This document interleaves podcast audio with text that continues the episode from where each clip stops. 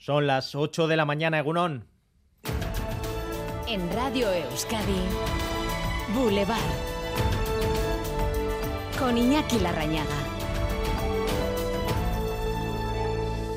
Sí, el tiempo invernal nos visita en esta semana de Pascua con frío, temperaturas en todo el país por debajo de los 10 grados y también compañía de precipitaciones. Es un tiempo desapacible para el ocio, para una semana de vacaciones, pero indispensable, imprescindible para nuestros embalses y regadíos, porque a 13 de abril en la cuenca del Ebro, en Río Jalavesa, aplican ya restricciones y en la Ribera Navarra los agricultores ya están optando por cambiar directamente de cultivos. Laida Basurto Gunón. Gunón. Y la pregunta es, ¿a qué nivel están ahora mismo nuestros embalses? Bueno, pues están bastante más vacíos que hace un año. ¿eh? En el caso de la Comunidad Autónoma Vasca, el 76% de su capacidad. El año pasado, en esta misma semana, estaba al 86%. Y en Navarra la situación es más preocupante porque hace un año el agua embalsada ocupaba el 81% de los pantanos y ahora están al 64%. Y si nos fijamos en el pantano más importante de la comunidad foral, el de Yesa, de cuyas aguas se nutren los campos de regadío de la ribera, ahora mismo no llega al 60% de su capacidad, es decir,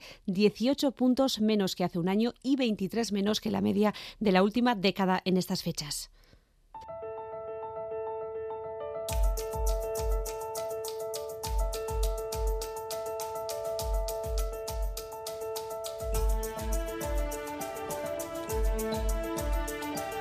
Más argumentos de este jueves que pasan por la reunión que mantuvo el Endacari ayer con los embajadores de Francia y Portugal para abordar el llamado eje atlántico y sobre todo su conexión por tren con la Y vasca. Urcullu no arrancó compromisos para que Francia construya su parte del tren para 2030, pero sí la posibilidad de subir un escalón más en su petición, en su ronda, en su ejercicio de lobby podrá reunirse en próximas fechas, al menos es lo que le va a facilitar el embajador francés que visite París y se reúna con el ministro de Transportes. Además, en Euskadi continúa la cascada de declaraciones y peticiones a raíz de la inclusión de nombres y apellidos de presos de ETA en una web de Caldacao dedicada a la memoria. Partido Nacionalista Vasco y el Partido Socialista de Euskadi juntos han elevado el tema al Parlamento con una iniciativa nosotros consideramos que eso es intolerable, consideramos que supone un ataque a las víctimas, que puede suponer una humillación a las personas que han sufrido el terrorismo y que de hecho supone una revictimización. Desafortunadamente y con un error muy profundo, pues ha mezclado víctimas con victimarios y eso es algo que no se puede hacer. La realidad es que hasta ocho municipios cuentan con webs similares elaboradas por Aranzadi, también en corporaciones gobernadas por el Partido Nacionalista Vasco, caso de Tolosa y de Erandio. Webs en funcionamiento, aunque en ambos casos, en Tolosa y Erandio, los responsables municipales han reclamado que se desactiven estas páginas hasta que se corrijan.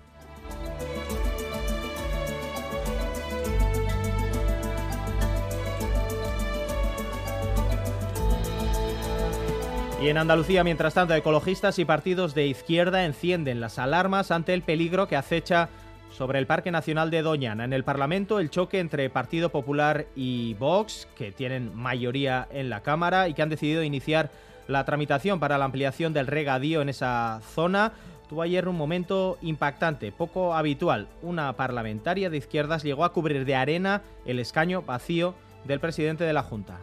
Lo que van a hacer ustedes con esta ley es secar absolutamente Doñana. Como el escaño se va a quedar el escaño del presidente de la Junta, que va a ser absolutamente como un desierto.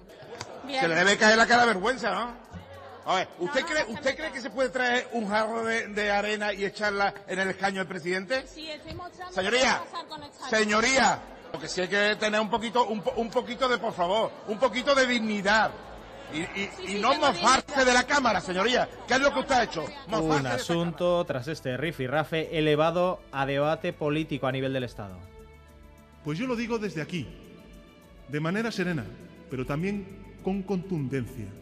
Doñana no se toca, Doñana es patrimonio de los andaluces, de todos los españoles. A las ocho y, media de la mañana aquí en Radio Euskadi vamos a hablar con el coordinador de Alianza Verde y expresidente de Greenpeace, Juancho López Uralde. Y otro de los focos este jueves y también mañana viernes apunta a Francia. Regresan las movilizaciones, paros, manifestaciones por la reforma de las pensiones en la víspera del pronunciamiento del Consejo Constitucional sobre este asunto. Óscar Pérez. Decimosegunda jornada de movilizaciones en Francia contra la reforma de las pensiones. Se espera que hoy se movilicen en torno a medio millón de ciudadanos en las 270 manifestaciones convocadas. El respaldo será previsiblemente menor que en anteriores convocatorias, pero se va a producir en vísperas de un momento clave. Mañana el Consejo Constitucional podría anular algunas partes de la reforma o darle el visto bueno. Macron ha insistido en que quiere abrir después un diálogo con los sindicatos. Je sais que la période gardera encore des désaccords du moment. Mais je le ferai avec l'esprit de, de concorde et la volonté. Sé que todavía habrá momentos de desacuerdo, pero los afrontaré con espíritu de concordia, ha dicho el presidente de la República. Esta mañana hablaremos además con Sergué Nogués, es portavoz de la Federación Sindical Unitaria de Francia. Lo comentaremos en los diálogos con Nayara Pinedo, Cristina Ruiz y Braulio Gómez. Más noticias.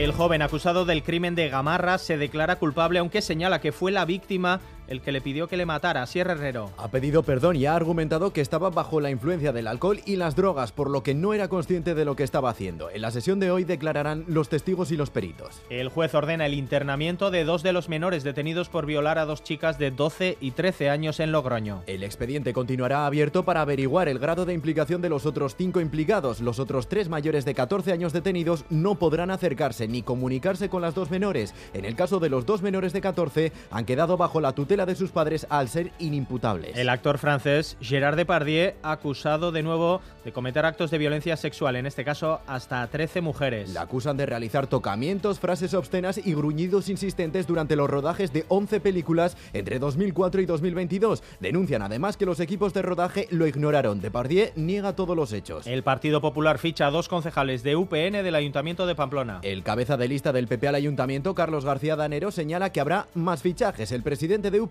sin embargo, resta importancia a las salidas. Javier Esparza.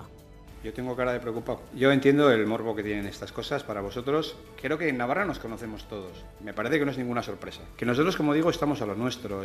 El gobierno vasco encarga a un grupo de juristas analizar las sentencias en contra de la exigencia del euskera en las contrataciones públicas. Elaborará un manual con los requisitos para la contratación que respete los derechos lingüísticos. Además, el Departamento de Política Lingüística está diseñando un plan de acción para promoción del euskera. Miren Dobaran, viceconsejera de Política Lingüística, ayer en Euskadi y Ratia. Eta eskatzen ari da gure gizartea e, segida bat emateko gure gazteek e, behar duten euskarazko bizi modu horri, ez da? Eta eta horretarako egin behar dugu hori. Ingurune digitala, e, kirola, aisialdia eta lan eremuan ere euskara e, txartatzen joan beharra daukagu. Y en esta jornada de jueves nos vamos a permitir también una excursión interplanetaria, porque hoy la sonda JUICE va a despegar en busca de vida a Júpiter. Es la mayor misión hacia el planeta más grande de nuestra galaxia. Buscará el agua de los océanos helados de las lunas de Júpiter. A partir de las nueve y media de la mañana hablaremos con Ignacio Tanco, el ingeniero de Urnieta, responsable de operaciones de la misión espacial. 8 y 8 minutos de la mañana vamos a adelantar la, el contenido de la información deportiva con Álvaro Fernández Cadierno. Gunón. Hola, Gunón. Con la Euroliga, última jornada de la fase regular de esta competición. Si Basconia gana esta tarde en Atenas a Olympiacos a cuartos de final, si pierde tendrá que esperar mañana a que también lo haga Zalgiris en la cancha del Bayern de Múnich. En la Champions, anoche Madrid 2, Chelsea 0, Milan 1, Nápoles 0. Hoy tenemos el estreno de José Luis Mendilibar en un torneo europeo. Será en el United eh, Sevilla en Old Trafford y en golf vuelve a jugar John Run en Carolina del Sur esta tarde en el RBC Heritage. Boulevard.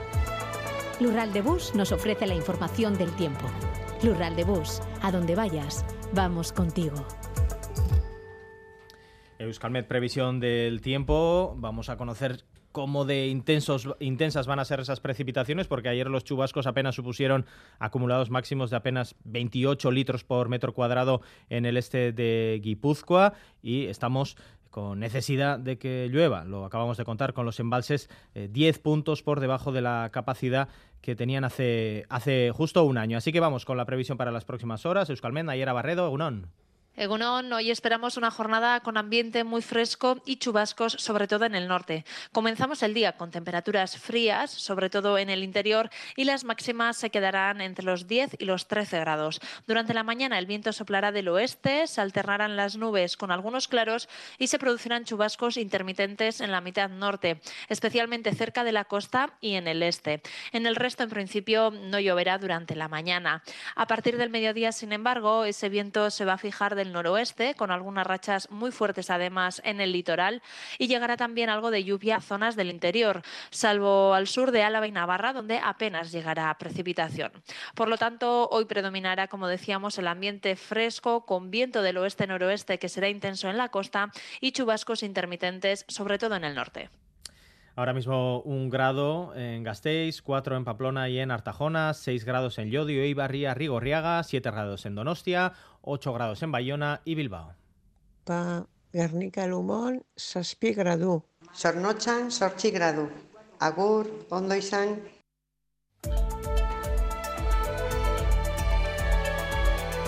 Boulevard. Tráfico. Continúa la normalidad en la red viaria vasca, según la información del Departamento Vasco de Seguridad. El WhatsApp de Radio Euskadi, si son testigos de cualquier incidencia, nos lo pueden hacer llegar al 688-840-840. Yayo Mejón y Beatriz Leal en la técnica. Seguimos. Turno de tarde en el hospital. Ocho horas me esperan. Voy a visitar a Laitona, a pasear juntos un ratito. Con las amigas al teatro. ¡Qué ganas tenía ya! Porque la vida vuelve y el transporte público es vida, en Lural de Bus, donde vayas, vamos contigo. Recupera los contenidos de Radio Euskadi en la web eitv.eus y en la app EITV Nayeran.